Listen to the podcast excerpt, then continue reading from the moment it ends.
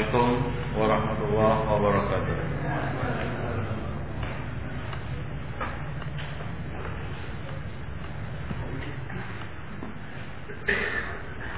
Alhamdulillah. Nahmaduhu wa nasta'inuhu wa nastaghfiruh. Wa na'udzu billahi min shururi anfusina wa a'malina. May yahdihillahu fala wa may yudlil fala أشهد أن لا إله إلا الله وحده لا شريك له وأشهد أن محمدا عبده ورسوله. يا أيها الذين آمنوا اتقوا الله حق تقاته ولا تموتن إلا وأنتم مسلمون. أما بعد. إخواني في الدين أعزني الله وإياكم جميعا. InsyaAllah pada pagi ini kita akan meneruskan kajian kitab Bulughul Maram. Kita sudah sampai pada hadis Tauban radhiyallahu anhu. Ia berkata, qala ba'atha Rasulullah sallallahu alaihi wasallam sariyatan fa'amarahum ayyam sahu al-asaib yakni al-amaim wa tasakhin yakni al-khifaf. Rawahu Ahmad Dawud wa Sahahu Al-Hakim. Hadis ini diriwayatkan dari Tauban dan dikeluarkan oleh Ahmad, Abu Daud dan Al-Hakim dan dia mensahihkan hadis ini dan Al-Imam Az-Zahabi menyepakatinya. Ya. Di dalam kitab Al-Muharrar disebutkan bahwa hadis ini diriwayatkan oleh Ahmad, Abu Daud, Abu Ya'la dan Al-Musili serta Al-Hakim dan Al-Hakim mengatakan hadis ini sahih menurut syarat Muslim. Namun ini perlu dipertimbangkan lagi perkataannya ini. Ya karena sebahagian ulama menyelisihi hukum ini. Di antaranya Al-Hafiz mengatakan di dalam Hadiroyah isnaduhu munqati. Dan didhaifkan hadis ini oleh Al-Baihaqi. Dan Al-Bukhari mengatakan hadisun la yasih. Hadis ini tidak sahih hadis ini tidak sahih. Baik fiddin ya, terlepas dari kontroversi tentang tasbih dan tad'if hadis ini, ya, yang jelas masalah mengusap ya, al-khuf telah ditetapkan berdasarkan hadis-hadis yang lain. Ya, telah ditetapkan berdasarkan hadis-hadis yang lain. Demikian juga mengenai mengusap imamah ada hadis lain yang menunjukkannya, yang menetapkannya. Jadi hadis ini memang baik, ada keterputusan di dalam sanadnya. Akan tetapi dia bisa dijadikan sebagai penguat bagi hadis-hadis yang sudah sahih, yang sudah ditetapkan oleh para ulama di dalam bab ini. Di dalam hadis ini Sauban mengatakan ba'atha Rasulullah sariyatan. Rasulullah mengirim sebuah sariyah. Sariyah bentuk jamaknya saroya Ya sariyah bentuk jamaknya adalah saroya yaitu al-qit'ah minal jais. Ya pasukan kecil. Disebut sariyah li'annaha tasri fi khufiyah. Karena pasukan ini berjalan dengan apa namanya? E, sembunyi, khufiyah. Ya pasukan mengendus atau pasukan mata-mata. Ya, jumlahnya sekitar antara 5 sampai 300 orang itu disebut syariah. Ya, nah demikian. Dan wa minal khail dan jika itu pasukan berkuda lebih kurang 400 personil. Nah demikian. Jadi Rasulullah Shallallahu Alaihi Wasallam ya sering mengutus pasukan-pasukan kecil ini ya sebelum melakukan peperangan besar. Ya, nah ini disebut syariah.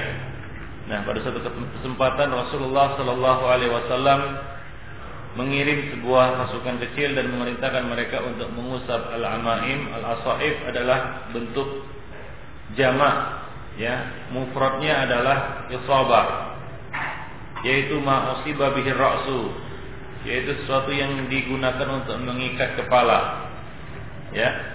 Yakni nah ini ditafsirkan oleh salah seorang perawi yakni al-amaim yakni al-amaim. Ini adalah mudraj ya e, sisipan dari perkataan salah seorang perawi menjelaskan makna dari al-asaib. Al-asaib artinya al-amain, yaitu imamah. Imamah adalah sorban ma yulafu ala ra'si, sesuatu yang dililitkan di kepala, itu disebut sorban. Wa tasakhin dan juga mengusap tasakhin. Tasakhin adalah jenis khuf. Ta'alab mengatakan la wahidalaha min lafziha. Ini tidak ada bentuk mufradnya. Tasakhin ala wazan mafa'il. Bentuknya kelihatannya jamak, ya. Akan tapi ini tidak ada mufradnya. yakni al-ikhfaf atau al-akhfaf. Artinya adalah thawb. Jadi tasakhin sejenis thawb. Jadi ini merupakan dalil ya yang dipakai untuk salah satu dalil yang dipakai untuk e, mengusap khuf dan mengusap imamah ya mengusap khuf dan mengusap imamah Khusus mengenai mengusap imamah ini tidak ada ketentuannya dari Rasulullah berkaitan dengan waktu. Ya, apakah dibatasi juga waktunya bagi musafir tiga hari tiga malam, kemudian bagi mukim satu hari satu malam. Sebagian mengatakan dikiaskan ya dengan khuf, yaitu dibatasi waktunya. Sebagian lain mengatakan tidak dibatasi, karena Nabi Shallallahu Alaihi Wasallam tidak menyebutkan pembatasannya. Dan ini pendapat yang lebih zahir, yang lebih benar. Wallahu a'lam bishawab. Demikian ikhwan fillah. Baik. Dan sifat masfal imamah mengusap khuf adalah yaitu ayam sahabiyadihi yaitu dia mengusap dengan tangannya ya bilma dengan air yang sudah diungkap zahirul imamah bagian luar imamah ya bagian luar imamah duna batiniha bukan bagian dalamnya ya Nah, lianna a'laha yusbihu zahirul khuf. Karena bagian atas ini seperti bagian atas khuf. Ya, nah demikian. Wala yajibu ayyam sahamal imamah ma jarat bil jarat bil adah yaksibu min ra'si. Jadi setelah mengusap imamah tidak perlu membuka imamah kemudian mengusap kepala lagi. Jadi cukup mengusap imamah, yaitu dimulai dengan bagian depannya, ya kemudian naik ke atas, kemudian ya dikembalikan lagi. Jadi tidak perlu dibuka imamahnya. Nah demikian Ibn Sebagian mensyaratkan bahwa imamah ini harus terlilit. Imamah yang terlilit pada kepala. Ya, bukan imamah yang terletak seperti misalnya kutroh yang biasa dipakai oleh orang-orang Arab sekarang pakai kutroh, ya itu tidak boleh di, diusap padanya. Ya, karena bisa diusap di bawahnya. Nah demikian. Berbeda dengan imamah yang dililit di kepala, itu perlu waktu untuk membukanya, kemudian memasangnya kembali, maka diberikan keringanan untuk tidak tidak perlu mengurai imamah tersebut atau sorban tersebut cukup diusap di atasnya wallahu alam bisawab nah demikian ikhwan fillah azani Allah wa iyyakum jami'an. Baik. Nah kemudian para ulama berselisih pendapat tentang boleh tidaknya mengusap khuf yang yang koyak atau rusak. Ya sebagian khuf tentu ada yang koyak atau rusak karena dia sering dipakai. Nah, dua orang imam yaitu Imam Asy-Syafi'i dan Imam Ahmad serta pengikut-pengikut mereka berdua berpendapat bahwa tidak boleh mengusap khuf yang sudah koyak. Ya, walaupun koyaknya cuma satu. Au kana sagiran aidan. Dan walaupun koyaknya kecil. Ya, koyaknya kecil. Fafarduhu al-ghusl. Kata mereka, kewajibannya adalah dibuka dan dicuci kakinya. Tidak boleh di apa? Diusap. Nah demikian. Ini pendapat uh, uh, Syafi'i dan Ahmad. Adapun Al-Imam Abu Hanifah mengatakan annahu la yajuz al-masu alaihi idza kana al-kharaq qadra thalatha asabi' fa aktar. Tidak boleh diusap, tidak boleh diusap ke kaos kaki yang koyaknya sebesar tiga jari atau lebih. Ya, jadi kalau koyaknya itu luasnya atau lebarnya lebar tiga jari atau lebih, maka itu tidak boleh diusap. Ini pendapat uh, Imam Abu Hanifah. Adapun Imam Malik mengatakan annahu la yumsa alaihi idza kathura aw fahusha. Ya, Imam Malik mengatakan tidak boleh diusap apabila koyaknya itu kathura banyak. Dan fahusha yaitu uh, fahisha yaitu koyaknya itu membuat rusak bentuk khuf tersebut. Yaitu tidak berbentuk khuf lagi karena banyaknya koyaknya. Ya koyaknya parah atau rusaknya parah. Nah demikian. Jadi kemudian beliau yuhaddidu uh, fuhsyahu bil urfi. Kemudian beliau memberikan batasan ya, e, parah atau tidaknya khuf itu kepada uruf. Ya, uruf yang berlaku yaitu apabila dilihat khuf itu sudah rusak parah, maka tidak boleh diusap padanya. Allahu alam. Ini pendapat Imam Malik. Ada kemudian yang rajih dalam masalah ini adalah pendapat yang dipilih oleh Syekhul Islam Ibn Taimiyah rahimahullah. Dia mengatakan jawazul mashi ala khuf al-makhruf. Bolehnya mengusap khuf yang makhruf, yang koyak. Madama ismul khuf baqiyan alaihi, selama dia masih disebut khuf. Ya, selama itu masih disebut khuf, maka boleh diusap padanya. Ya, dan ini merupakan mazhab imam-imam yang lainnya, yaitu seperti Al-Imam At-Tauri, Ishaq bin Rahuya, Ibnul Mundir, Al-Auza'i dan lain-lain. Nah, ini adalah apa namanya? Beliau mengatakan, Syekhul Islam mengatakan, "Inna hadzal qaul asah." Ini adalah pendapat yang paling sahih. Wa huwa qiyasu usuli Ahmad wa nususihi fil afwi an yasirin an yasiri an yasiri sitril awra. Dan ini sesuai dengan kias ya di dalam usul Imam Ahmad. Artinya menurut kaidah-kaidah asas-asas yang dibuat oleh Imam Ahmad ini sesuai. Ya di mana beliau memaafkan ya apa namanya terbukanya aurat yang sedikit. Ya dimaafkan ya wa an yasirin najasah demikian juga sedikit najis. Yang tidak apa namanya tidak mendominasi. Ya. Fa inna sunnah waradat min mas'i 'ala al-khuffaini mutlaqan. Dan karena juga sunnah telah disebutkan telah menyebutkan pensyariatan mengusap khuf secara mutlak. Dan disebutkan khuf juga secara mutlak. Waqad istafadat al-akhbar an Nabi sallallahu alaihi wasallam fi sahih annahu masa 'ala al-khuffain wa talaqa as-sahaba anhu dalika dan banyak sekali kabar-kabar yaitu hadis-hadis atau riwayat-riwayat dari Rasulullah sallallahu alaihi wasallam di dalam hadis-hadis sahih bahwa beliau mengusap khuf. Demikian juga para sahabat menerima sunnah ini dari beliau, ya. Wa, wa atlaqul qaul bi jawazil mashi 'alal khuf. Dan mereka memutlakkan pendapat membolehnya ya, memutlakkan bolehnya mengusap khuf ya secara mutlak. Nah, dan sebagaimana dimaklumi kata beliau wa ma'lumun annal khawf adatan la yakhlu katsirun minha min fatqin aw kharqin.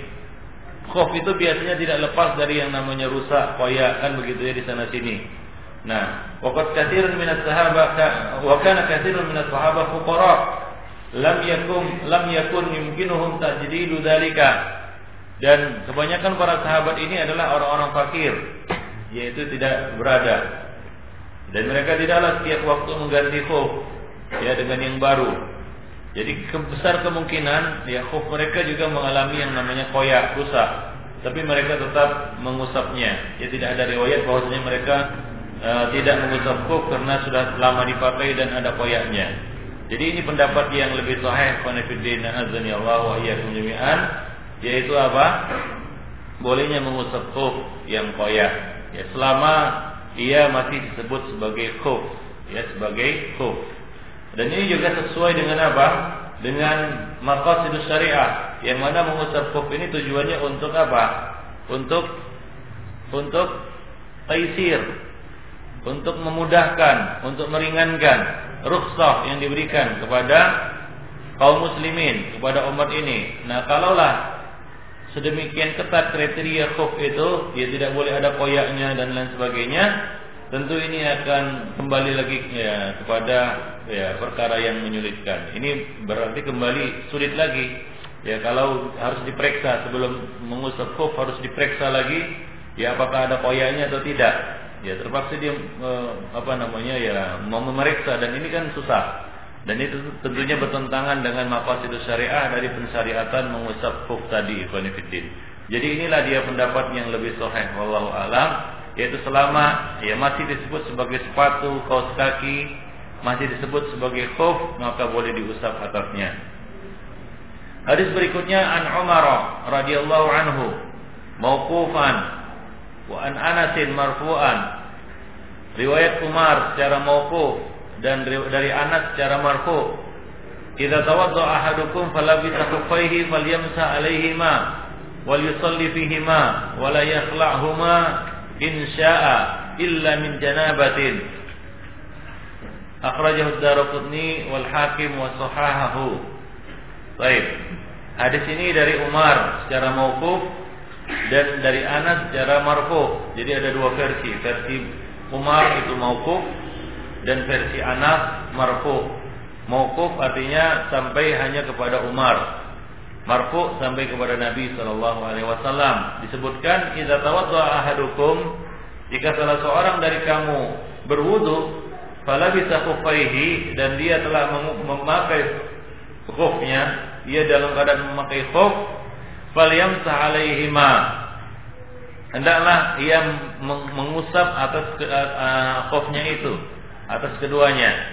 Wal yusalli fihima. Silakan dia pakai untuk salat ya, kedua khuf itu.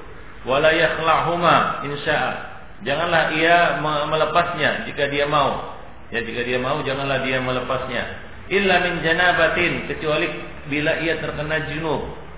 Ya apabila dia terkena junub maka dia harus melepasnya karena dia harus mandi besar yaitu mandi janabah. Baik. Jadi di sini la di sini la ada kemungkinan la nah, nahiyah, ada kemungkinan la na, nafiyah, yaitu janganlah atau tidaklah ia melepas kufnya. Jadi dua-dua makna ini bisa dipakai di sini. Baik. Akan tapi di sini ya uh, adalah anjuran, bukan wajib karena dikatakan di situ insya'a jika dia mau. Ya jika dia berkehendak, ya. Tapi jika dia ingin melepasnya ya dia boleh melepasnya. Wallahu a'lam. Jadi ini uh, apa namanya? hadis yang kesekian yang menjelaskan kepada kita pensyariatan mengusap kuf. Jadi hendaklah ini apa namanya e, kita amalkan ya, kita amalkan. Nah ini hadisnya mutlak. Ya tidak disebutkan di sini apakah dia mengusap e, memakai khuf ini dalam keadaan berdoa atau tidak. Namun di dalam hadis yang lain telah ada pensyaratan taharah sebelum memakai khuf ini ya hingga dia boleh diusap. Nah, kemudian di sini juga ya tidak disebutkan ya pembatasan waktu, ya taukid. Nah ini telah disebutkan di dalam hadis yang lain yaitu hadis Safwan ya bahwasanya masa ini ada muddah muddah mahduda. Ada batas waktu yang telah ditentukan ya untuk musafir tiga hari tiga malam dan untuk mukim satu hari satu malam. Baik. Nah kemudian hadis berikutnya dari Abu Bakar radhiyallahu anhu an Abi Bakar radhiyallahu anhu Nah kemudian tadi perkataan illa min janabatin ini menjelaskan bahwa mengusap khuf itu khas bil hadasil asgar. Khusus apabila wudhu kita itu batal karena hadas kecil. Adapun karena hadas besar maka la yajuzul masah ma'ahu. Tidak boleh kita mengusap khuf kita itu. Ya karena dikatakan di sini illa min janabah kecuali karena apa namanya junub, kecuali karena junub. Kemudian juga di dalam hadis ini terdapat pensyariatan melakukan atau mengerjakan sholat dengan mengenakan khuf. Ya Nabi mengatakan wal yusalli fihima, hendaklah dia sholat dengan menggunakan khuf kedua khuf tadi. Ya. Nah, sebagaimana juga telah sahih dari Rasulullah sallallahu alaihi wasallam kana annahu sallallahu alaihi wasallam kana yusalli fi na'laihi bahwa Rasulullah sallallahu alaihi wasallam mengerjakan salat dengan mengenakan kedua sandalnya. Nah, hadis ini muttafaqun alaih. Baik. Nah, itulah dia beberapa faedah yang bisa kita petik dari hadis uh, Umar dan hadis Anas bin Malik tadi. Kemudian hadis berikutnya hadis Abu Bakrah radhiyallahu anhu, ani Nabi sallallahu alaihi wasallam annahu rakhasa lil musafiri thalathata ayyamin wa. Bahwa Rasulullah sallallahu alaihi wasallam memberikan rukhsah yaitu keringanan untuk mengusap khuf untuk musafir tiga hari tiga malam. Walil mukim yauman walailatan satu hari satu malam. Idza tatahhara falabisa khuffaihi. Jika dia telah bersuci lalu mengenakan khufnya dalam keadaan telah berwudu ayam sah alaihima. Ia boleh mengusap kedua khufnya tadi. Jadi di sini disebut rukhsah ya rukhsah. Rukhsah artinya keringanan yang diberikan ya oleh syariat kepada ya umatnya. Tashil ya wa taisiril amr. Ya memudahkan satu urusan itu namanya rukhsah. Lawannya adalah azimah. Azimah adalah ketentuan yang baku yang harus dilakukan. Baik. Nah beberapa faedah yang bisa kita petik dari hadis ini adalah yang pertama muddatu mashil musafir wal mukim. Muddah yaitu jangka waktu ya untuk mengusap kuf ini bagi musafir dan mukim yaitu tiga hari tiga malam bagi musafir dan satu hari satu malam bagi mukim. Kemudian yang kedua, ayakun al-masah ba'da taharatin kamilatin. Bahwa mengusap ini, khuf yang diusap ini dipakai dalam keadaan suci yang sempurna, artinya sudah berwudu dengan sempurna. Ya, nah demikian. Kemudian yang ketiga, pembedaan antara musafir dan mukim di dalam rukhsah ini. Nah, di sini ada ya kita katakan hajat dan kebutuhan yang lebih besar bagi musafir untuk diberikan waktu yang lebih lama daripada mukim karena mereka mengalami kondisi yang lebih sulit daripada mukim. Nah, baik. Maka mereka lebih membutuhkan rukhsah ini. Ya, lebih membutuhkan rukhsah ini daripada mukim. Kemudian, ya, al-masu 'alal khufain rukhsatun min Allah wa tashilun ala khalqihi. Mengusap khuf ini merupakan rukhsah, keringanan dari Allah Subhanahu wa taala dan merupakan kemudahan yang Allah berikan kepada hambanya. Wan nabiyyu al-murakhis al-muballigh anillah. Dan Rasulullah sallallahu alaihi wasallam adalah yang memberikan rukhsah dan menyampaikan rukhsah ini kepada umat manusia dan beliau mengamalkannya. Ya, jadi ini hendaklah di ya diamalkan ya mengusap kuf ini. Nah, kemudian kullama istaddatil hajah hasalatir rukhsah wa apabila dalam kondisi yang sangat dibutuhkan maka semakin ditekankan untuk mengambil rukhsah ini mengambil keringanan ini. Misalnya di dalam safar ya itu susah untuk membuka apa namanya memakai membuka kos kaki maka semakin ditekankan untuk mengambil rukhsah ini dan Allah Subhanahu wa taala suka ya hambanya itu mengambil rukhsah yang diberikan kepada mereka. Baik, khonifuddin. Azani Allah wa iyyakum jami'an. Baik. Nah, kemudian hadis yang berikutnya adalah hadis an Ubay bin Imarah. Wa an Ubay bin Imarah radhiyallahu anhu annahu qala Ya Rasulullah amsahu 'ala al-khuffain? Qala na'am. Qala yawman? Qala na'am.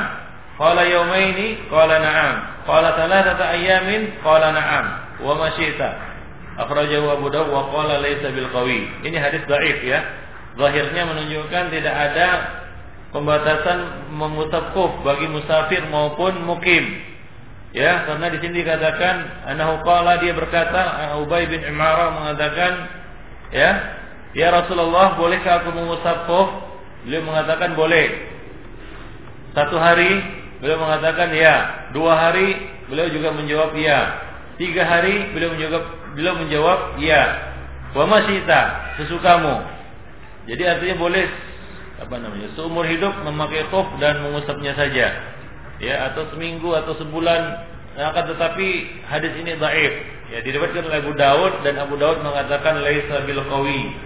Hadis ini tidak kuat. Hadis ini juga didhaifkan oleh Al Imam Al Bukhari Beliau mengatakan layasih. Ya.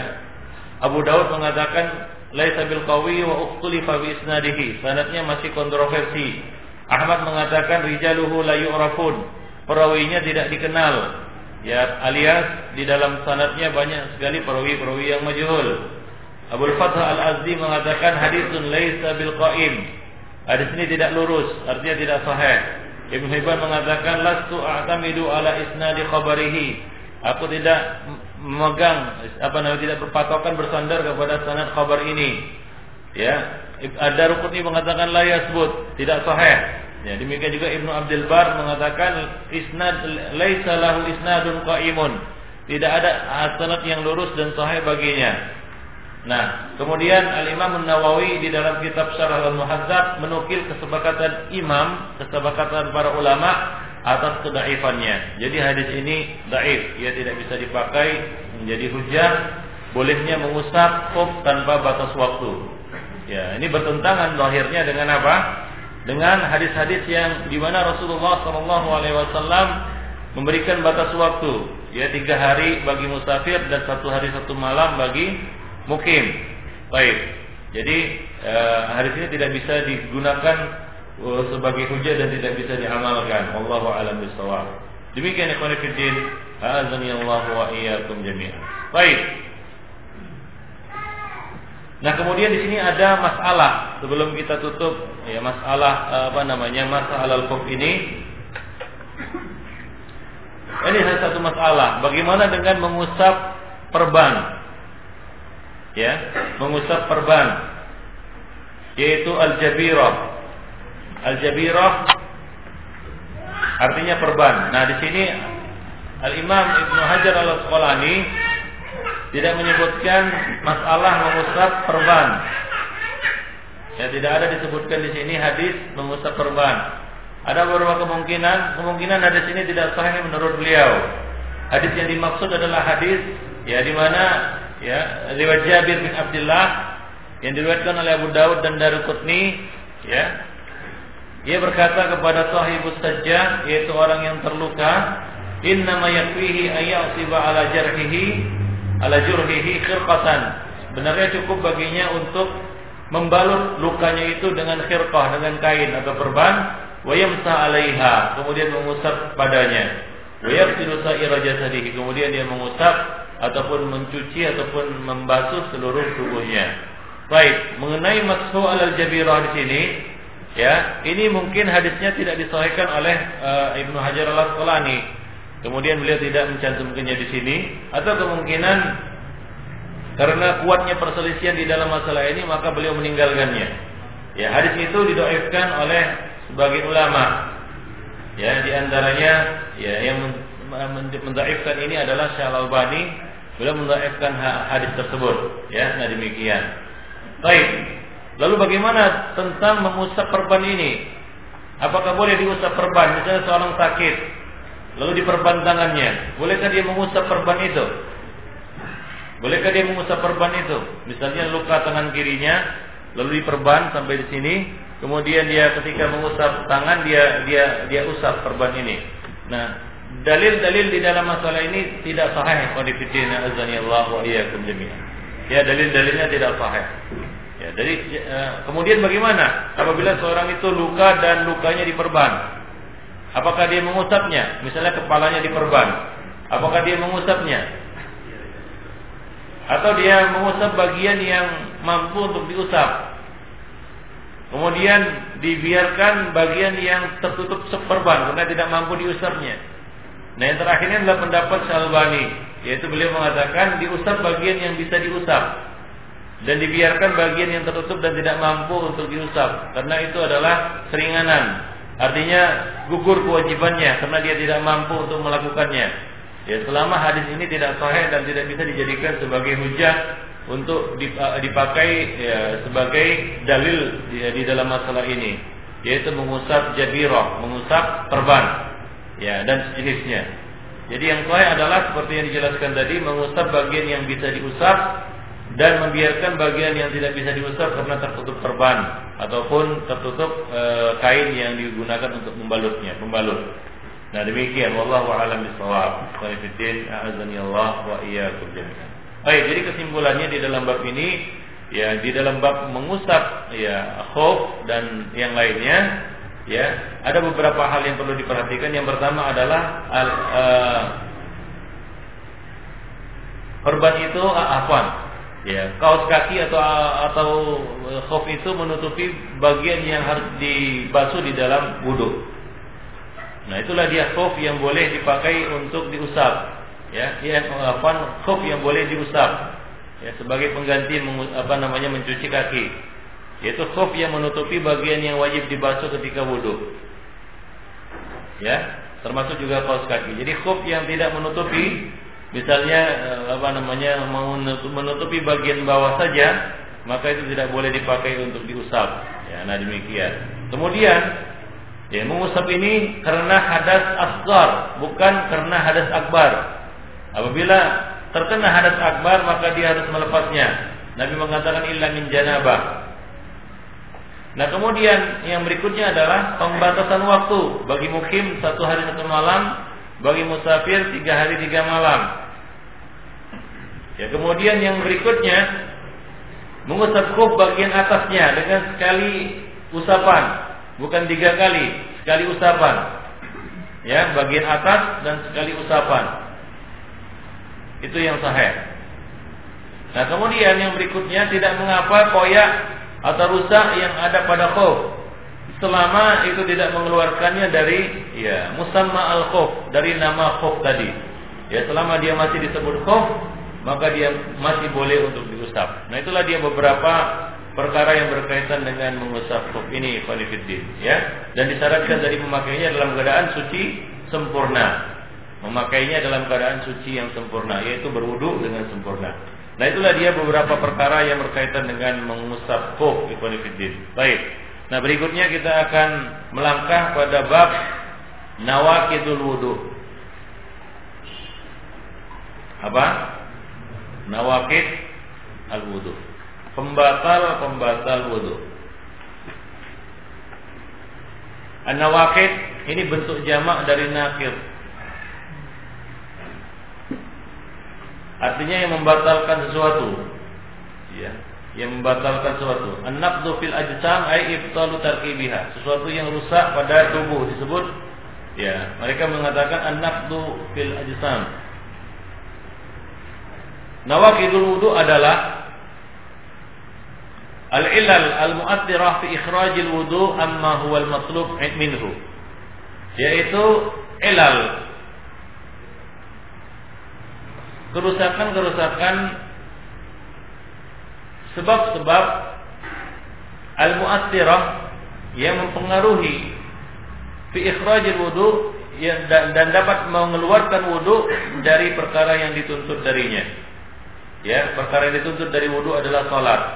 Ya, dengan batalnya wudhu maka dia tidak bisa sholat. Ya, thumma ustu'mila fi ibtalil wudhu bima ayyanahu syari' mubtilan. Kemudian perkara-perkara pembatal wudhu ini ditetapkan oleh syariat, ya. Apa-apa saja itu yang menjadi pembatal-pembatal wudhu. Baik. Jadi nawaqidul wudhu artinya adalah ya secara singkat pembatal-pembatal wudhu yang membuat wudhu itu keluar dari hukumnya. Ya, keluar dari hukumnya. Wudhu adalah syarat sah salat. Nah, ketika ada pembatal wudhu, maka keluarlah dia dari hukum ini, yaitu sebagai syarat sah salat. Artinya salat tidak sah apabila ada pembatal-pembatal ini pada diri seseorang. Nah, an-nawaqidu kismani. Pembatal wudhu ini ada dua macam. Yang pertama adalah ahdatsun tangkudul wudhu binafsiha hadas-hadas yang membatalkan wudhu dengan sendirinya. Yang kedua adalah asbabun, sebab-sebab. Wahia makana madinna li furujil hadas. Yaitu sebab-sebab yang menyebabkan keluarnya hadas. Perkara-perkara yang bisa menyebabkan keluarnya hadas. Seperti misalnya an-naum. Ya, an-naum, tidur. Ya, itu bisa membuat seorang itu keluarnya hadas ya kemudian al-lamas. Al-mas ya bercumbu. Ya dengan istri. Itu bisa mengeluarkan hadas nah demikian. Wan nawakid min haitsu dalil kal. Nanti akan disebutkan beberapa hal yang bisa membatalkan wudu. Baik. An-nawaqid min haitsu dalil kal ati. Adapun dilihat dari dalil, an-nawaqid pembatal-pembatal wudu itu ada beberapa macam. Yang pertama adalah al-ghaid.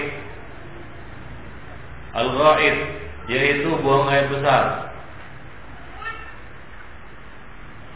Ini berdasarkan hadis ya, berdasarkan nas Al-Qur'an, As-Sunnah dan ijma' Kemudian al-baul, buang air kecil. Ini berdasarkan as-sunnah dan ijma' wal qiyas al-ghaid dan pengkiasannya dengan al-ghaid, buang air besar. Kemudian al-madi. Ini juga ditetapkan berdasarkan sunnah dan ijma' dan dikiaskan dengan al-baul. Kemudian damul istihadah, darah istihadah ya darah istihadah. Nah, eh, ini berdasarkan dalil yaitu berdasarkan hadis riwayat Aisyah radhiyallahu anha tentang kisah kisah istihadahnya Fatimah binti Abi Hubaysh. Nabi mengatakan kepadanya fatawadda'i wa shalli fa inna ma dzalika. Ya, berwuduklah dan salatlah. Sesungguhnya itu sebabnya adalah karena urat yang terluka. Ya, damul istihadah. Nah, kemudian an-naum, tidur. Yaitu tidur yang mughrib, tidur yang menenggelamkan orangnya atau yang menenggelamkan orang tersebut. Ya, artinya apa? Membuat dia tidak sadar. Ya, membuat dia tidak sadar apa yang ada di sekelilingnya. Nah, itulah dia pembatal-pembatal wudhu yang disebutkan di dalam hadis-hadis Rasulullah Sallallahu Alaihi Wasallam. Baik. Nah, berikut ini akan kita bahas satu persatu beberapa hadis yang menjadi dalil di dalam masalah ini. Ia berkaitan tentang pembatal-pembatal wudhu. Baik. Yang pertama hadis Anas bin Malik radhiyallahu anhu. Dia berkata, "Kana ashabu Rasulullah sallallahu alaihi wasallam ala ahdihi yantadiruna al-isya hatta ru'usi ru'usuhum. Thumma yusalluna wa la yatawadda'un." Ini diriwayatkan oleh akhrajahu Abu Daud wa sahahahu Daruqutni wa asluhu fi Muslim. Hadis Anas bin Malik radhiyallahu anhu, ia mengatakan, ia bercerita, sahabat-sahabat Rasulullah pada masa beliau, pada masa Rasulullah, ya pada masa Nabi, yang tabirun al isya, mereka menunggu solat isya, mereka menunggu solat isya.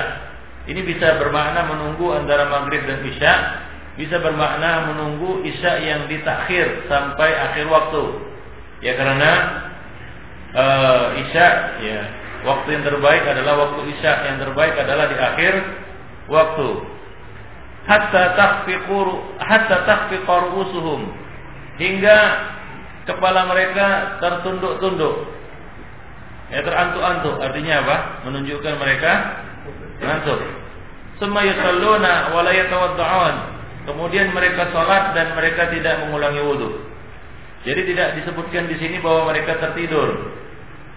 Ya, tapi di dalam Sahih Muslim diriwayatkan dengan lafal yang jelas bahwa mereka tidur. Ya, dalam riwayat Muslim disebutkan dengan lafal kanu yantazirun al-isya fayanamuna thumma yusalluna wa la yatawadda'un. Ya, bahwa mereka menunggu salat Isya, mereka tidur. Kemudian mereka salat dan mereka tidak mengulangi wudhu. Ya, jadi riwayat ini saling menjelaskan satu sama lainnya sebenarnya.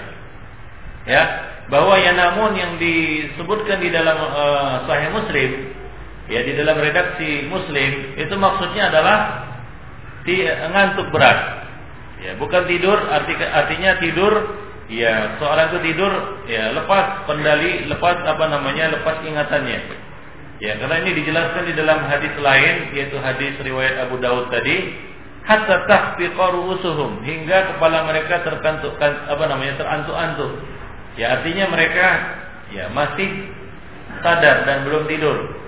Ya mereka cuma ter, e, mengantuk berat. Lalu mereka bangkit ya ketika ikamat salat dikumandangkan dan mereka langsung mengerjakan salat ya tanpa mengulangi wudhu mereka. Nah demikian yang Fiddin. Ahadzani Allah wa iyyakum jami'an.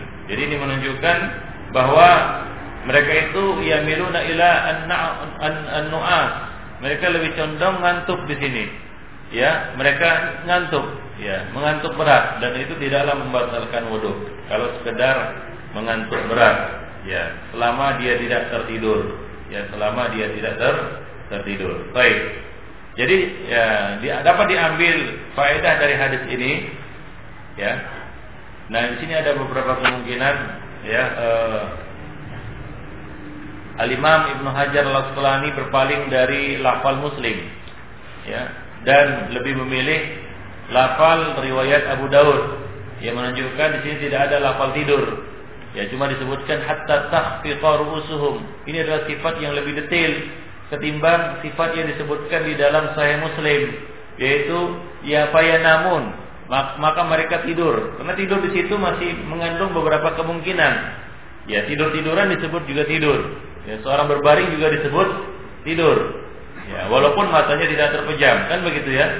Nah, jadi hadis Abu Daud di atas Ya hadis uh, apa namanya riwayat Abu Daud di atas menjelaskan kepada kita maksud dari tidur tadi yaitu tahfiku tahfiku ru'usuhum yaitu kepala mereka yang ter, apa namanya terantuk-antuk uh, artinya terangguk-angguk karena ngantuknya ya karena ngantuknya jadi di sini uh, tidur yang yatir yang sedikit ya tidak sampai tenggelam di dalam tidurnya jadi dapat diambil faedah dari hadis ini bahwa an-naumul yatir minal jalis la yang kudul wudhu. Tidur sedikit dalam keadaan duduk itu tidak membatalkan wudhu. Ya. Kadang-kadang demikian kita mengantuk kan ya. Ya dan sepertinya tertidur padahal belum ter tertidur. Nah, secara tiba-tiba apa namanya secara cepat kita bisa menyadarinya dan sadar. Nah, itu tidak di, dikatakan dikategorikan tidur. Baik. Kemudian yang kedua, an-naumul katir Adapun tidur yang banyak, ya, tidur yang mustaghrib, yang membuat orang itu tenggelam dalam tidurnya, nakidun lil wudu. Ini dapat membatalkan wudu. Ya, dapat membatalkan wudu. Ya, inilah dia ya yang dijelaskan oleh para ulama eh, dan juga para sahabat bahwa an-naum nakidun lil wudu, bahwa tidur itu dapat membatalkan wudu. Baik. Kemudian Hadis ini juga menjelaskan kepada kita bahwa at-tahara minal hadas syartun li sihhatis shalah. Suci dari hadas itu merupakan syarat sahnya salat. Ya. Fanafi wudu fi hadhil halah dalilun ala wujubiha fi ghairiha. Penafian wudu di dalam kondisi seperti ini menunjukkan wajibnya ya apa namanya wudu wudu tersebut. Ya, Wajibnya kalaulah tidak wajib wudhu tentunya mereka tidak mengatakan mereka sholat tanpa mengulangi wudhu lagi. Jadi ini menunjukkan wajibnya taharah sebelum mengerjakan sholat, memastikan kita dalam keadaan suci dan berwudhu. Baik.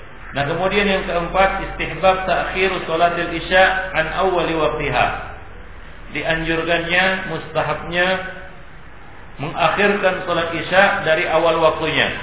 Ini bila imam melihat para makmum tidak keberatan, tidak memberatkan mereka. Nah, kalau memberatkan mereka, maka hendaknya imam menyegerakan sholat, ya, yaitu tepat sholat di awal waktunya. Jadi ini melihat kondisi, apa namanya, semangat dan gairah para makmum.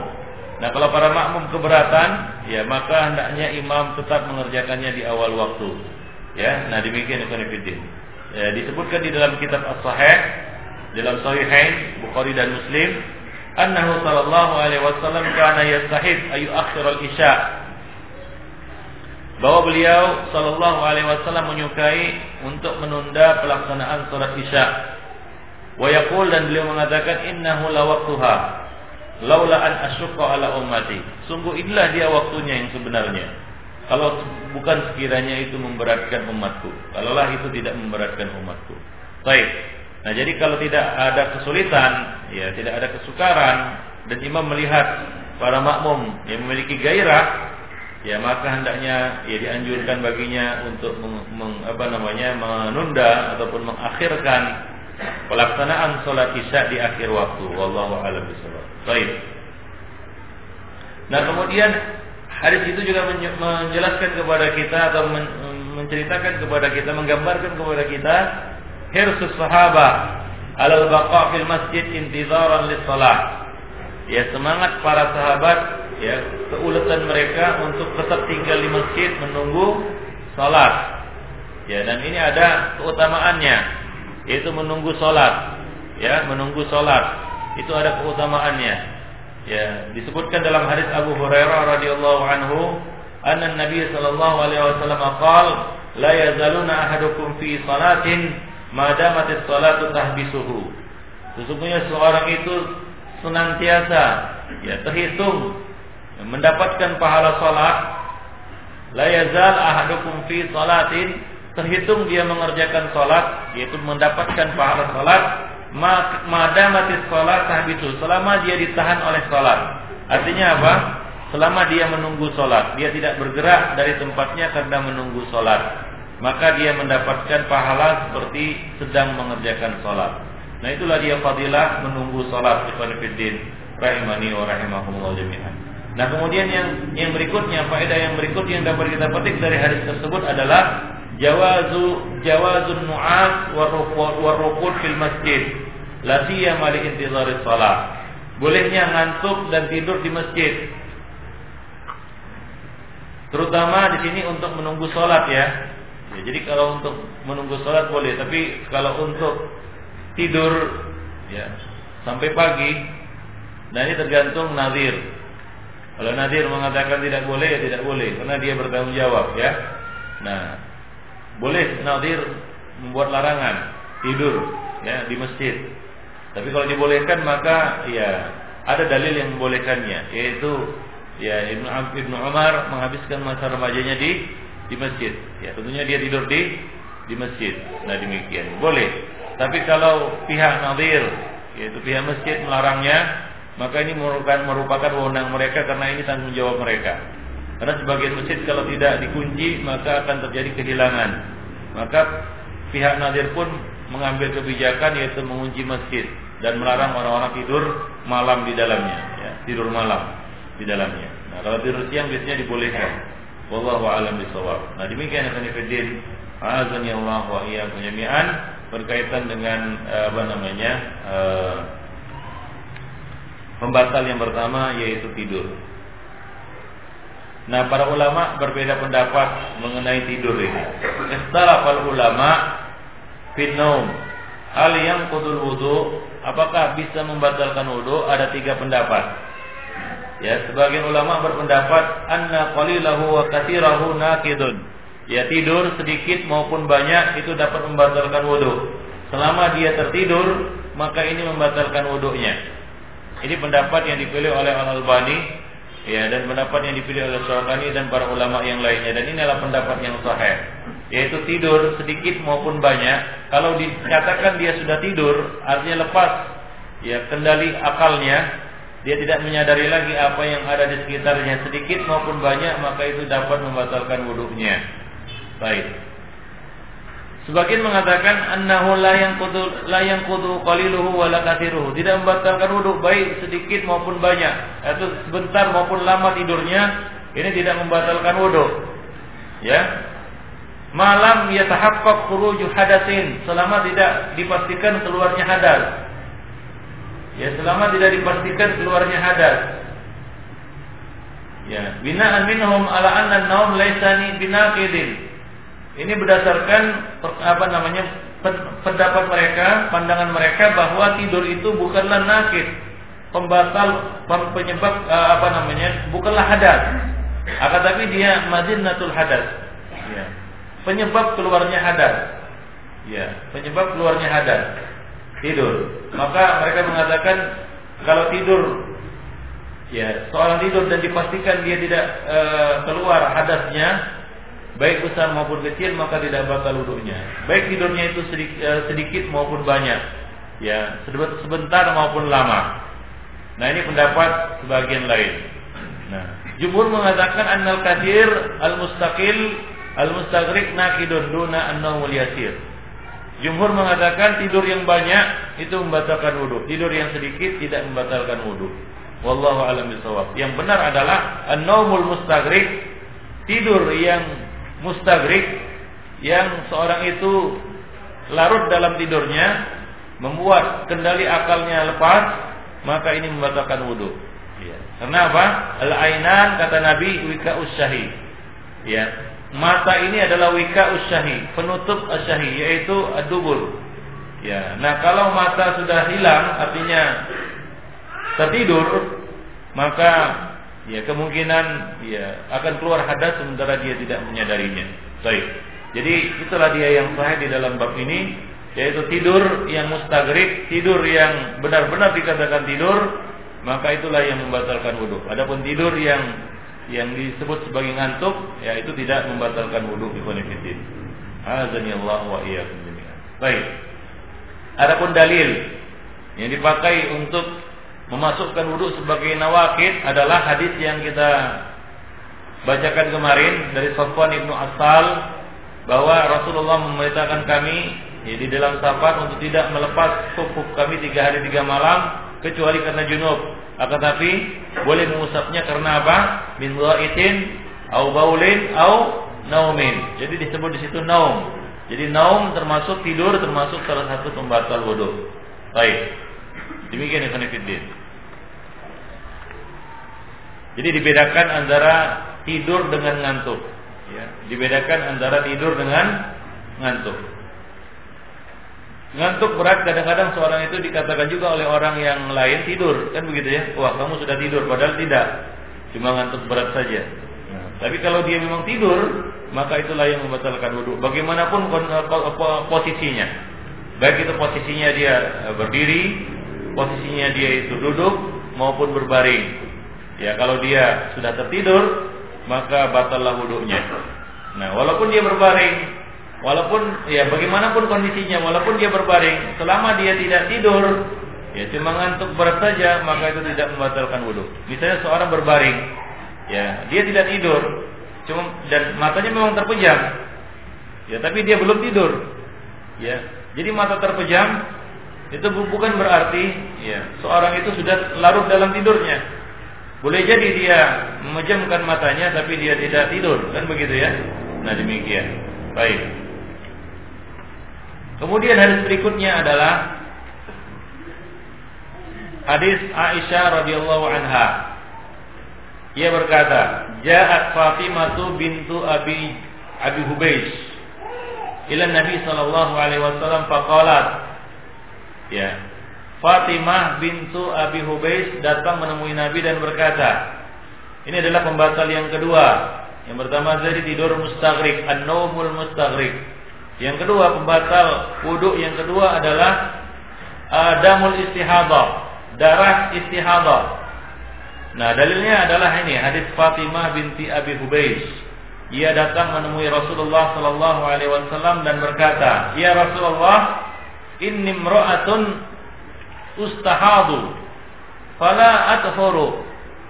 Wahai Rasulullah, aku adalah wanita yang ustahab yaitu aku ini istihadah, mengalami istihadah, yaitu darah yang keluar setelah keluarnya setelah terputusnya darah haid. Ini biasa menimpa wanita ya yang kurang lancar haidnya. Ya, kadang-kadang setelah terhenti dan terputus darah haid, keluar darah segar. Ya, dan ini bukan darah haid dan tidak menghalanginya untuk sholat. Ya, tidak menghalanginya untuk sholat. Nah, jadi Fatimah datang kepada Rasulullah dan berkata, "Ya Rasulullah, inni mra'atun ustahadu, fala athuru." Aku wanita yang terkena istihadah dan aku tidak bisa suci. Itu tidak bisa bersih dari darah itu. Maksudnya, ya, tidak suci di sini bukan artinya dia tetap dalam kondisi haid, tidak. Tapi tidak bisa bersih dari darah tersebut. Ya, tidak bisa bersih dari darah tersebut. Apa ada usalah Apakah aku harus meninggalkan sholat? Maka Nabi mengatakan la, tidak. Jadi ini, ini merupakan dalil bahwa istihadah tidak menggugurkan kewajiban sholat. Inna madzalika irqun wa bihaidin. Itu adalah darah yang keluar karena ada urat yang terluka, bukan darah haid. Fa iza aqbalat haidatuki fada'i as-shalah. Namun jika datang masa haidmu, ya darah yang keluar, itu adalah memang betul-betul darah haid maka tinggalkanlah salat fa idza adbarat jika telah berlalu masa haid faghsili mandilah ya faghsili angkit dan cucilah darimu darah tersebut shalli kemudian salatlah. Ya nah ini muttafaqun alaih. Hadis muttafaq alaih. Baik jadi di sini Nabi sallallahu alaihi wasallam ya memerintahkannya untuk tetap sholat ya dalam kondisi istihadah. Ya dalam kondisi istihadah. Di dalam riwayat Al Bukhari Nabi Nabi sallallahu alaihi wasallam mengatakan summa tawaddu li kulli salatin wa asyara muslimun ila annahu hadafaha amdan ya muslim mengisyaratkan bahwasanya ya ia sengaja menghilangkan ya bagian ini. Wallahu alam. Baik. Jadi di dalam riwayat Bukhari ada tambahan summa tawadda'i li kulli salatin. Kemudian berwuduklah kamu ya perintah kepada Fatimah binti Abi Hubais tadi untuk setiap salat ya dalam kondisi istihadah. Dalam kondisi istihadah ya seorang wanita tetap mengerjakan salat hanya saja dia berwuduk setiap kali salat berwuduk setiap kali salat karena damul istihadah itu dianggap sebagai pembatal salat. Nah demikian. Jadi dia ini kondisi eh, apa namanya darurat bagi seorang wanita istihadah yaitu dia tetap berwuduk setiap kali salat. Ya, berwuduk setiap kali mengerjakan salat. Wallahu a'lam. Baik. Nah, jadi di sini al-kharij min as-sabilain ya. Di sini menunjukkan Ibnu Fiddin bahwa al-kharij min as-sabilain naqidun lil wudu. Yang keluar dari salah satu dari dua jalur tadi ya yaitu apa kubul dan dubur itu naqidun lil wudu termasuk di antaranya khurujud dam nah ini adalah ijma'ul ulama. Kemudian damul istihadah laisa haidan darah istihadah itu bukanlah darah haid. Jadi seorang wanita harus bisa membedakan mana darah istihadah dan mana darah haid. Ya berbeda. Ya damul istihadah adalah dam darah yang keluar akibat luka yang ada ya pada urat. Ya. Nah itu keluar darah. Adapun darah haid adalah darah kotor. Ya darah haid adalah darah kotor yang keluar dari rahim. Yang keluar dari rahim ikhwanifidin baik. Jadi ini adalah penyakit. Ya darah istihadah adalah darah penyakit yang keluar akibat lukanya uh, urat-urat uh, yang ada pada wanita. Baik. Demikian Fiddin. Adapun damul haid adalah darah yang keluar dari apa? Dari rahim wanita. Nah kemudian para ulama menyebutkan karakteristik darah istihadah ini. Al-atiba yaqul para ahli kesehatan mengatakan darah istihadah adalah damun ahmar musyrikun khafifun. Itu sifatnya. Darah haid itulah darah yang berwarna merah. Asraq atau musyrikun cerah. Tidak apa namanya tidak pekat dan tidak hitam, ya. Khafifun dan encer. Tidak kental. Laisa daraihatin tidak bau. Ya seperti darah haid. Ya.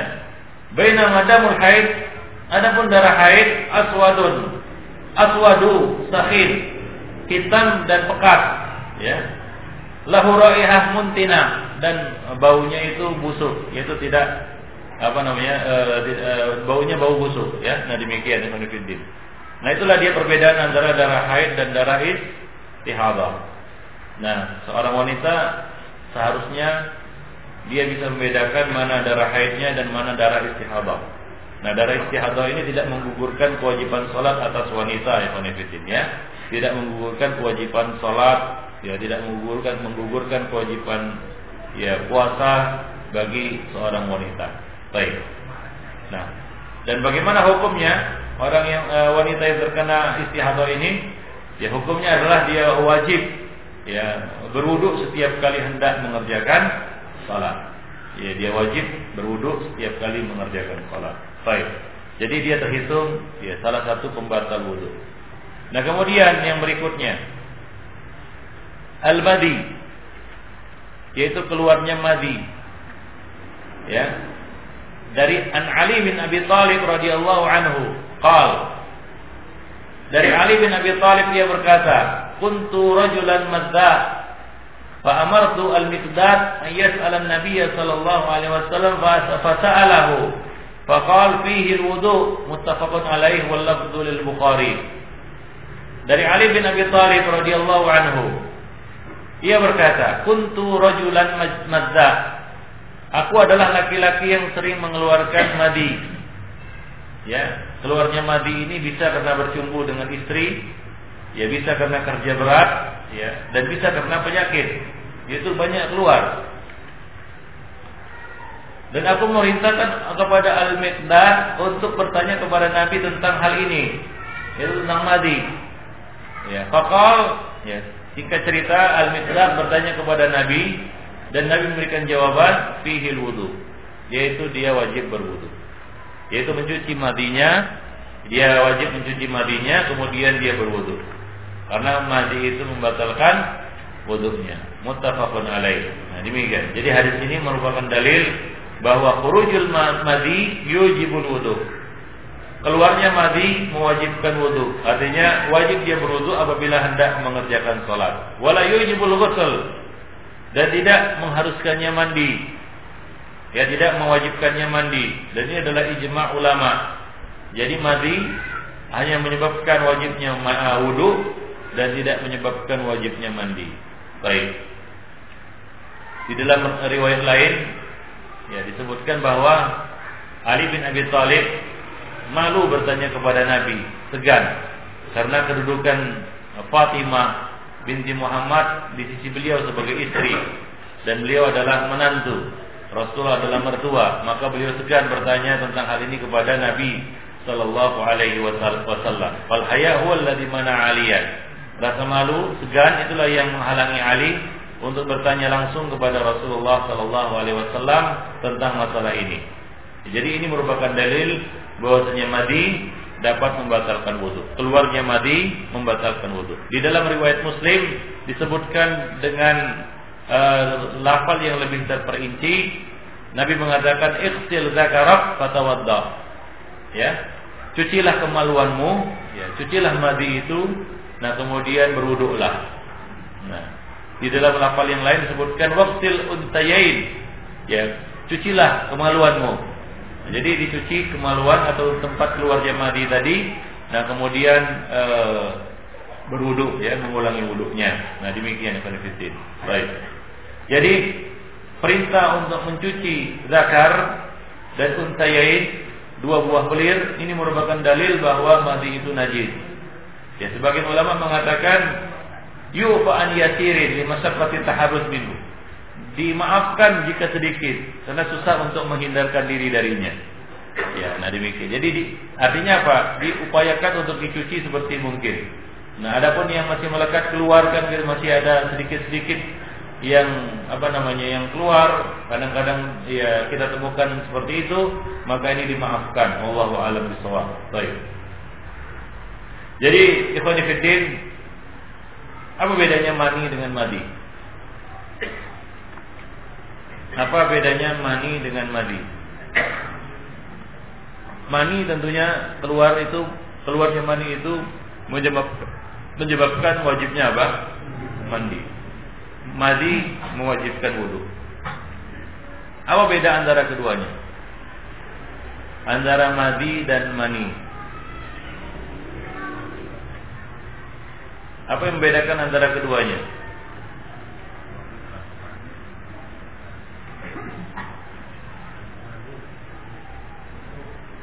Ya. Dari sisi dari beberapa sisi. Yang pertama dari sisi sifat keluarnya. Mani itu terpancar, sedangkan madi menetes. Ya. Tidak terpancar.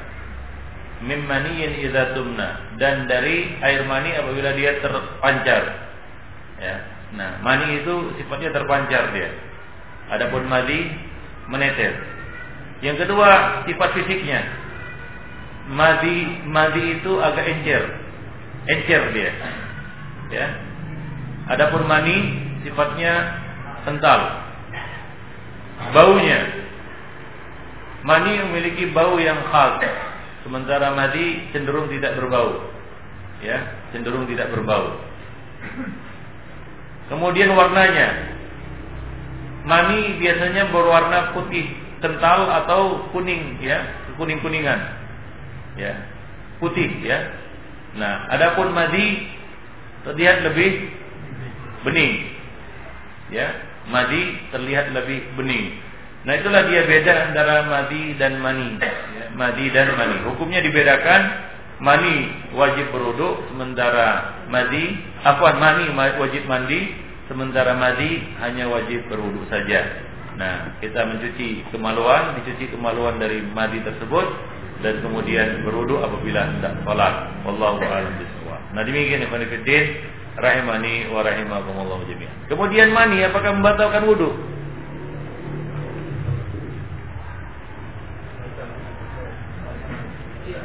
Ya. Mani membatalkan wudu. Ya, tentu saja membatalkan wudu. Ya, lebih aula. Ya. Kenapa? Karena dia lebih berat daripada mani. Ya, dia mewajibkan mandi. Sementara mandi cuma mewajibkan wudhu. Baik. Nah, demikian ya benefitin. Baik. Nah, kemudian selanjutnya adalah perkara-perkara yang yang, di, yang dikira membatalkan wudhu tapi ya tidak membatalkan wudhu seperti misalnya e, mencium istri ya nah kemudian merasakan suatu seolah-olah keluar ya memegang zakar dan beberapa masalah-masalah lain yang akan kita bahas pada pertemuan yang akan datang insyaallah. Baik, mengenai masalah-masalah almas ya apa namanya memegang zakar ya kemudian bercumbu dengan istri mencium apakah ini membatalkan wudhu atau tidak ya ya kemudian juga merasakan suatu bergerak-gerak di perut kan begitu ya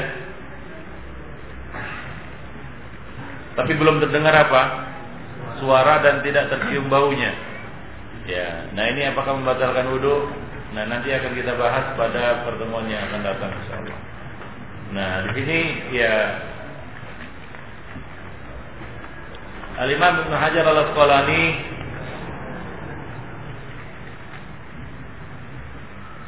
tidak menyebutkan hal-hal yang memang sudah ma'ruf.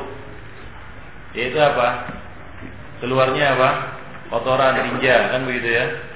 Buang air besar, buang air kecil karena itu sudah ma'ruf ya. Bahwasanya itu adalah perkara yang membatalkan wudhu. Demikian juga kentut ya, buang buang angin. Nah, itu nanti akan dibahas di akhir ya. Nah, baru dibahas pada bagian akhir masalah nawakidul wudhu. Artinya itu perkara yang sudah ma'ruf. Nah, beliau di sini menyebutkan perkara-perkara yang yang yang apa namanya? yang belum ma'ruf, seperti misalnya tidur, ya kemudian istihadah, kemudian madi dan mani dan seterusnya. Baik, itu saja Ibn Fiddin. Insyaallah kita lanjutkan masalah ini pada pertemuan yang akan datang.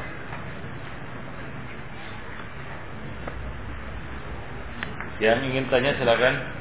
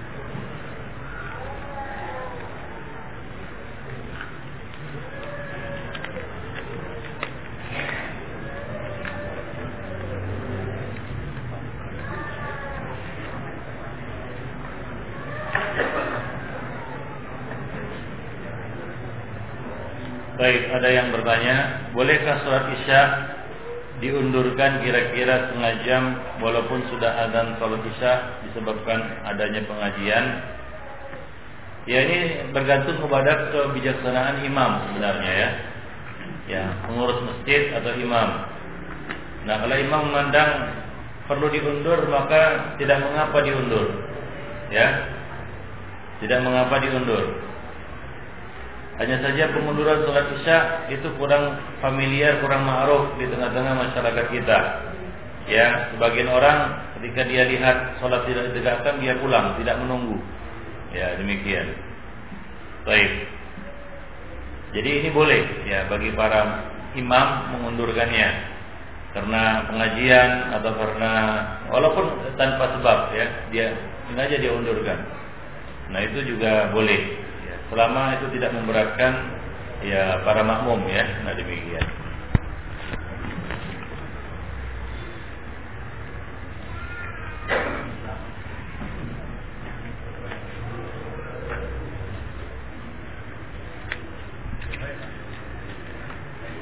Kira-kira jam berapakah akhir waktu Isya? Waktu Isya berakhir pada muntasiful lail, tengah malam, pertengahan malam.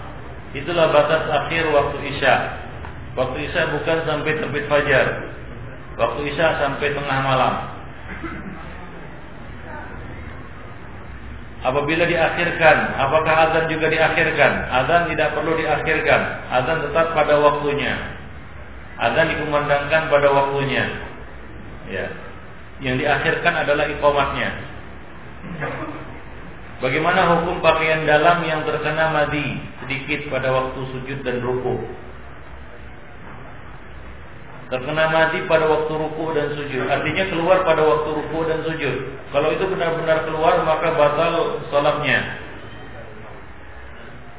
Ya, batal salatnya. Dan dia harus mengulangi wudhunya. Ya, sebelumnya dia harus mencuci kemaluannya dan mencuci pakaian yang terkena mati apabila dia dapat mengetahuinya. Kemudian dia mengulangi kembali sholatnya karena sholatnya batal karena wudhunya batal. Ya dengan keluarnya madi. Baik. Nah kecuali dia orang yang terkena penyakit madza ya yaitu keluar terus. Dan kalau diikuti dia nggak sholat sholat nanti. Ada yang terkena penyakit madza yaitu gampang keluar. Ya gerak sedikit keluar Ya, ada gerakan-gerakan sedikit yang agak sulit keluar. Rukuk dan sujud kadang-kadang membuat itu keluar. Dan kalau itu penyakit, maka dia dimaafkan. Ya, dimaafkan. Hukumnya seperti hukum wanita mustahadah. Wanita yang istihadah, yaitu dia berurus setiap kali sholat dan mencucinya, ya sebelum dia mengerjakan sholat. Ya, nah demikian, dimaafkan. Dan keluar itu yang sedikit itu itu dimaafkan. Baik. Nah kemudian kalau itu perasaan. Nah ini jangan diikuti perasaan. Ada kadang-kadang perasaan saja. Ya. Jadi tidak perlu sering-sering memeriksa itu CD. Ada sebagian orang terkena was-was. Ya. Tiap kali selesai sholat dia periksa CD-nya. Ya. Nah ini tidak perlu. Ini was-was. Anggap aja nggak keluar. Karena al-aslu bakau tahara. Hukum asalnya adalah bakau atau hara. Tahara itu tetap ada sampai diyakini ya, ada nawakid yang terjadi pada kita. Itu sampai yakin benar-benar keluar. Baik itu air seni, madi, mani, apalagi angin dan sejenisnya. Ya, tapi kalau cuma prasangka, was-was, maka ini jangan diikuti. Nah, banyak orang itu mengikuti was-was. Hingga kadang-kadang nggak keluar dianggap keluar. Nah, dia periksa, selalu periksa apa namanya celananya. Nah, tidak usah diperiksa-periksa. Kalau diyakini tidak keluar, jangan diperiksa-periksa. Kadang-kadang diteliti, dilihati kan begitu ya. Ya, itu repot nanti. Antum kerepotan. Jadi tidak perlu sampai sedetail itu. Ya. Kalau memang ya, ragu, anggap aja nggak keluar. Ya, nah demikian. Kecuali kalau diyakini keluar, seperti yang ditanya di sini, terkena madi waktu pada waktu ruku dan sujud. Ya, kalau keluar dan diyakini keluar maka batal. Ya, baik. Tapi keluarnya madi pada waktu sholat mikir apa dia?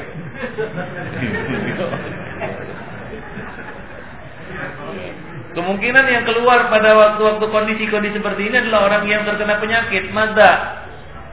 Ya, Ya, nah ini ada rukhsah bagi mereka. Sama seperti orang yang terkena penyakit salisul baul, yaitu keluar menetes terus apa namanya air seninya. Nah itu ada ada apa namanya ada rukhsah baginya untuk ya apa namanya beruduk saja setiap kali mengerjakan sholat. Sama seperti wanita yang istihadah tadi.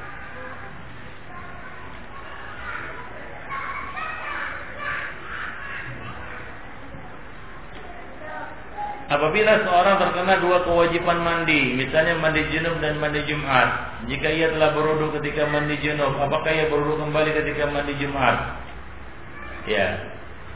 Ikhwan fillah azani Allah wa jami'an, wudu bukanlah syarat ketika mandi.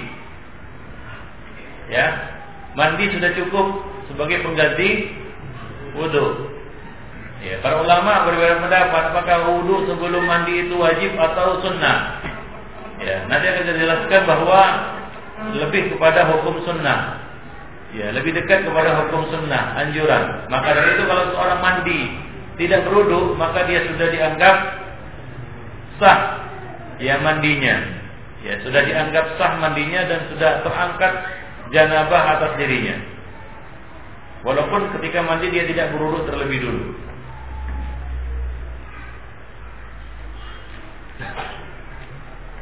Maka rukun-rukun mandi ketika para ulama menyebutkan rukun-rukun mandi, mereka mengatakan yang pertama baca basmalah, kemudian meratakan air ke seluruh tubuh. Tidak disebutkan situ harus berwudu sebelumnya. Ya, ah, kewajiban ataupun mustahab mandi memang ya dia harus berwudu sebelumnya. Ya, karena Nabi mencontohkan kaifiat mandi seperti itu. Apakah terkena najis membatalkan wudhu? Terkena najis tidak membatalkan wudhu. Kewajibannya adalah membersihkan najis itu hingga tidak melekat padanya, hingga dia tidak membawa najis ketika sholat, karena dia belum suci badan dan tempat. Dan itu adalah syarat sah sholat, yaitu suci badan dan tempat. Nah kalau tidak suci badannya, ada najis misalnya pada kakinya, wudhunya tidak batal, tapi sholatnya tidak sah karena dia membawa najis.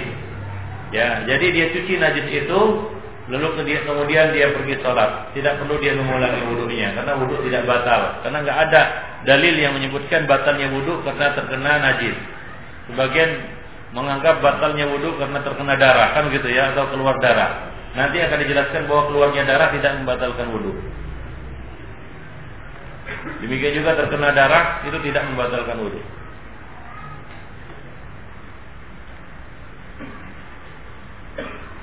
Pulang kampung di luar kota selama dua atau tiga minggu, apakah termasuk safar atau tidak? Ya safar.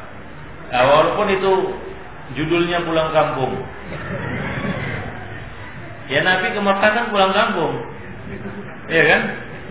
Nabi hijrah dari Mekah ke Madinah. Dan beliau lahir di mana? Di Mekah. Tahu di mana Nabi lahir? Iya. Yaitu di sekarang ini di mana itu? Di dekat Masjidil Haram. Arah ke mana itu ya? Haji dia, jauh lagi. Arah ke Min uh, apa namanya? Bukan arah ke Mina. Arah ke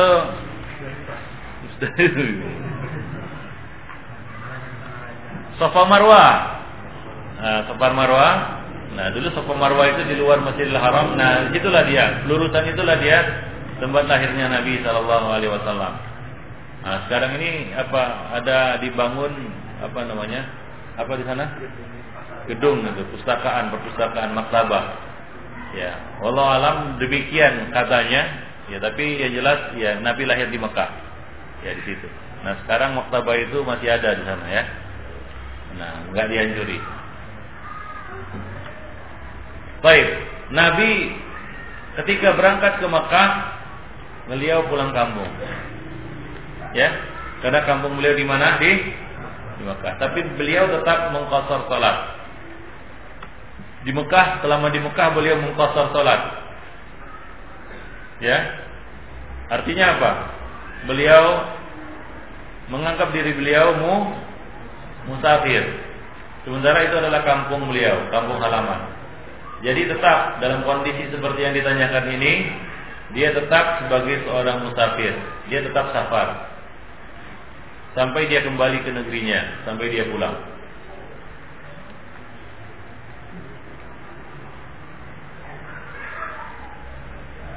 Gimana cara rujuk dalam syariat Islam? Apakah perlu nikah ulang dan hijab kabul atau gimana? Gak perlu rujuk ya. Apabila dia ya memanggil istrinya kamar ya maka sudah rujuk itu. Ya selama belum habis masa iddah. Nggak perlu saksi-saksi. Ya karena hakikatnya talak rajai itu belum melepas ikatan pernikahan. Ya belum melepas ikatan per pernikahan talak rajai ya salah satu dan dua itu belum belum melepas tali pernikahan. Akad nikah masih tetap ada. Ya. Nah, hak rujuk, hak talak dan rujuk itu ada di tangan su suami. Ya. Yang berhak merujuk juga su suami. Nah, apabila suami merujuk dan gitu ya, dengan memanggil istrinya kembali atau bersetubuh dan jenisnya, maka itu sudah dianggap rujuk. Tidak perlu nikah ulang dan ijab kabul. Ya, selama masih dalam masa iddahnya. Ya. Nah, kalau sudah habis masa iddahnya maka harus nikah ulang. Dalam berdoa dan mengangkat tangan ke atas, apakah ada batasan tinggi tangan tersebut? Ya Nabi SAW pernah mengangkat tangan, beliau tinggi-tinggi hingga ya nampak putih ketiak beliau yaitu eh, apa namanya melorot ya lengan baju beliau hingga nampak putih ketiak beliau. Dan pernah beliau mengangkat tentang dengan dada atau dengan tentang dengan bahu. Nah demikian. Itu dia ya cara mengangkat di dalam berdoa.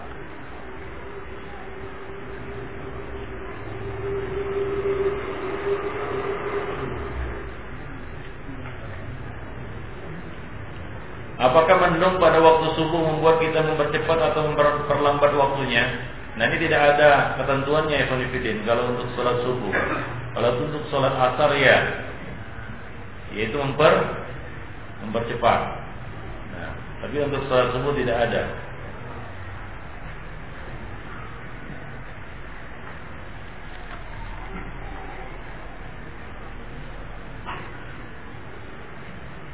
Apakah kaos kaki dan hanya memakai sendal jepit termasuk khuf dalam cuaca dingin seperti kaban jahe?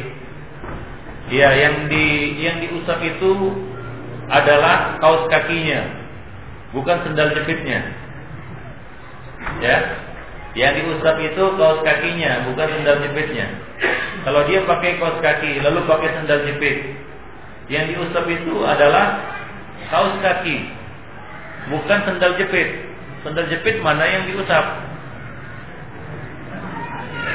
Talinya itu. Ya, jadi yang diusap adalah sendal jepitnya, bukan sen, uh, apa. Yang diusap adalah kaos kakinya, bukan sendal jepitnya. Baik.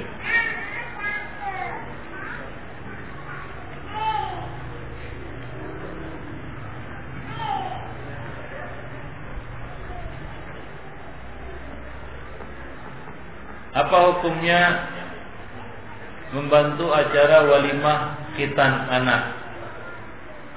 Ya, walimah khitan wallahu alam ya, boleh.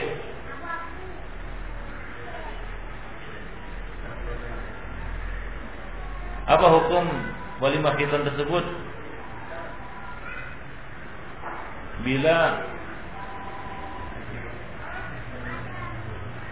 pakai keyboard Wayang boleh. Ya, enggak boleh lah.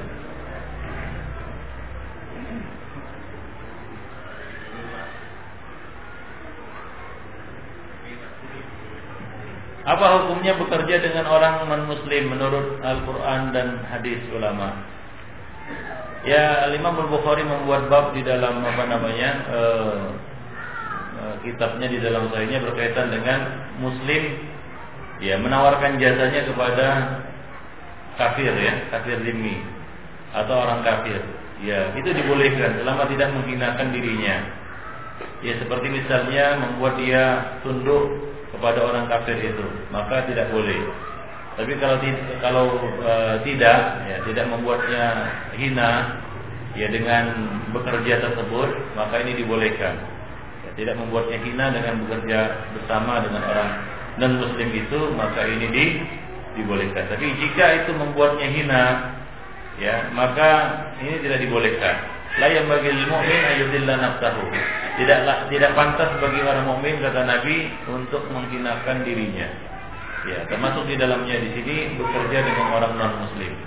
Jadi bekerja dengan orang non muslim ini ada dua bentuk ya. Bentuk pertama itu bisa menghinakan dirinya, membuat dia tunduk kepada orang kafir itu. Maka ini tidak boleh. Yang kedua adalah tidak membuat dirinya hina. Kerja sama biasa, dia memiliki jasa dan keahlian. Kemudian orang kafir membutuhkan jasa dan keahliannya, nah itu boleh. Nah demikian. Baik.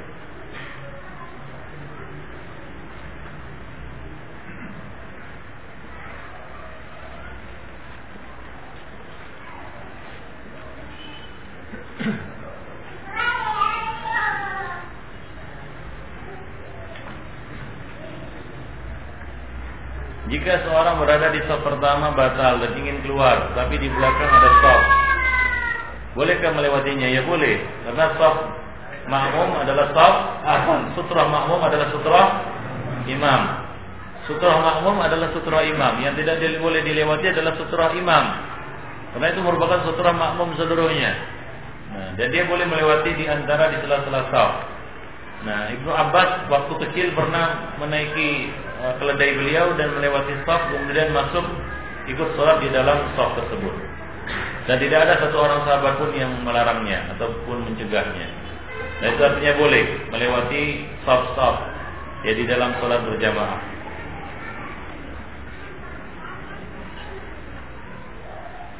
Adakah sunnahnya menjawab iqamah? Allah alam. Tidak tahu ya. Tidak ada dalil-dalilnya menyebutkan menjawab iqamah. Ya juga karena susah menjawab iqamah karena iqamah diucapkan dengan dengan cepat. Berbeda dengan ada. Ada diper, diperintahkan untuk istirsal yaitu memanjangkan. Ya, adapun qomat dengan mempercepat. Inhidar, inhidar artinya dipercepat. Ya, tidak lambat. Ya, sebagian orang komat keliru dia. Komat seperti azan.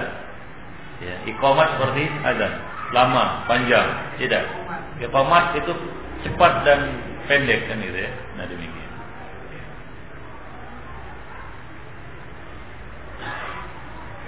Bolehkah sholat yang kedua atau selanjutnya dengan tayamum sholat pertama? Boleh. Ya, boleh. Ya, selama tidak batal. Ya, dengan pembatal-pembatal wudhu plus mendapatkan air.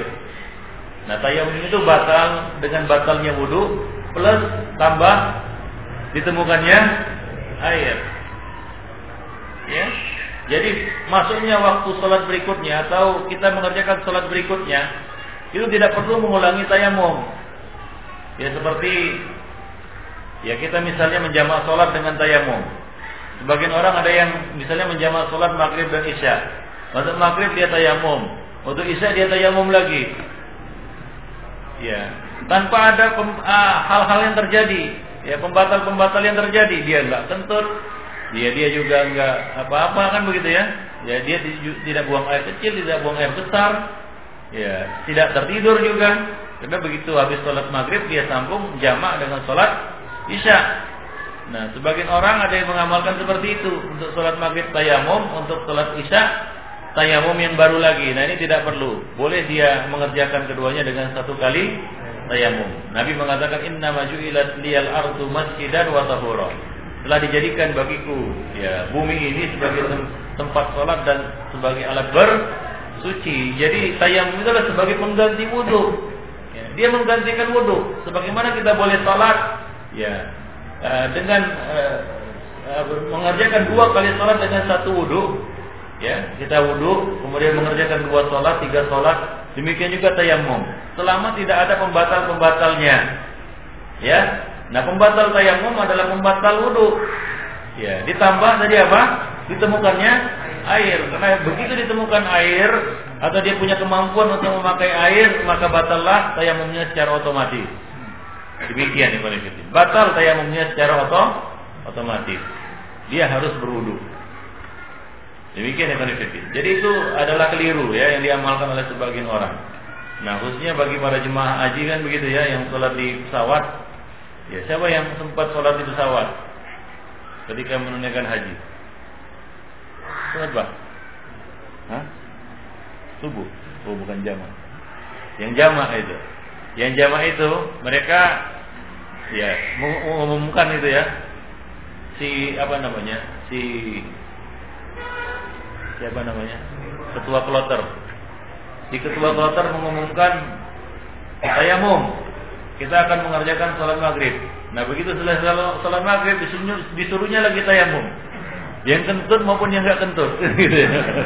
Kecuali dia umumkan yang kentut tayamum lagi kan begitu. Ya, itu baru paten. Jadi enggak, dia suruh tayamum lagi. Padahal kita enggak batal. Ya, enggak ada enggak batal, enggak ada apa-apa kan begitu ya. Nah, di disuruhnya tayamum lagi untuk sholat isya. Nah ini ini keliru Ibn Ibn Ya, cukup dengan sekali tayamum saja.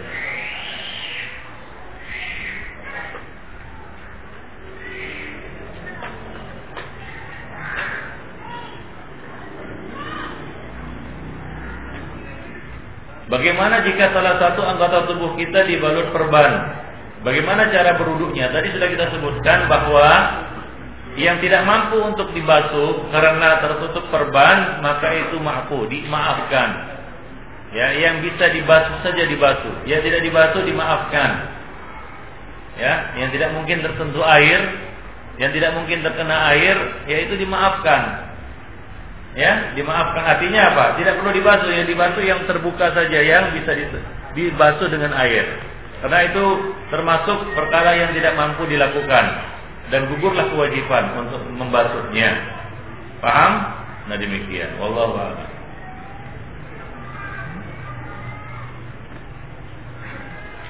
Tadi kita sebutkan bahwa dalil mengusap perban itu tidak sahih.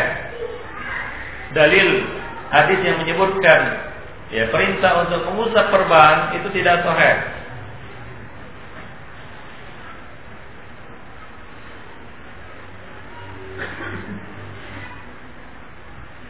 Apabila di dalam sholat seorang buang air kecil, gimana?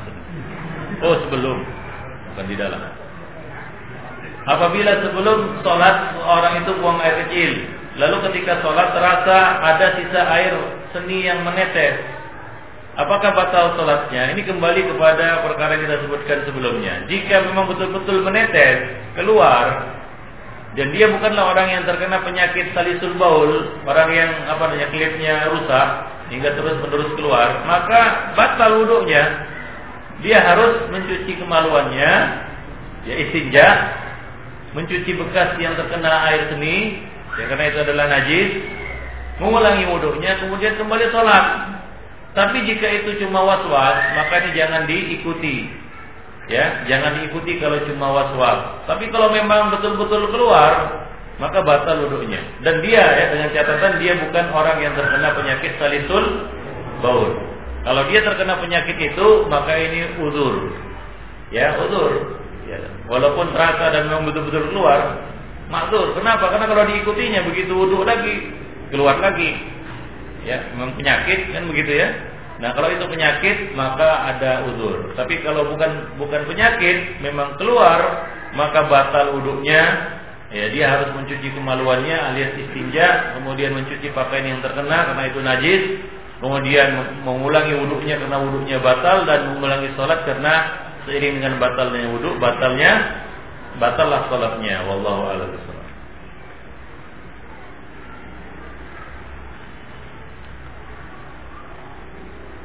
Jam berapa akhir waktu duha dan paling baik setelah duha jam berapa? Waktu duha dibagi tiga. Awal waktu, pertengahan waktu dan akhir waktu. Yang paling baik adalah akhir waktu. Itulah dia sholat awabin, yaitu menjelang tengah hari.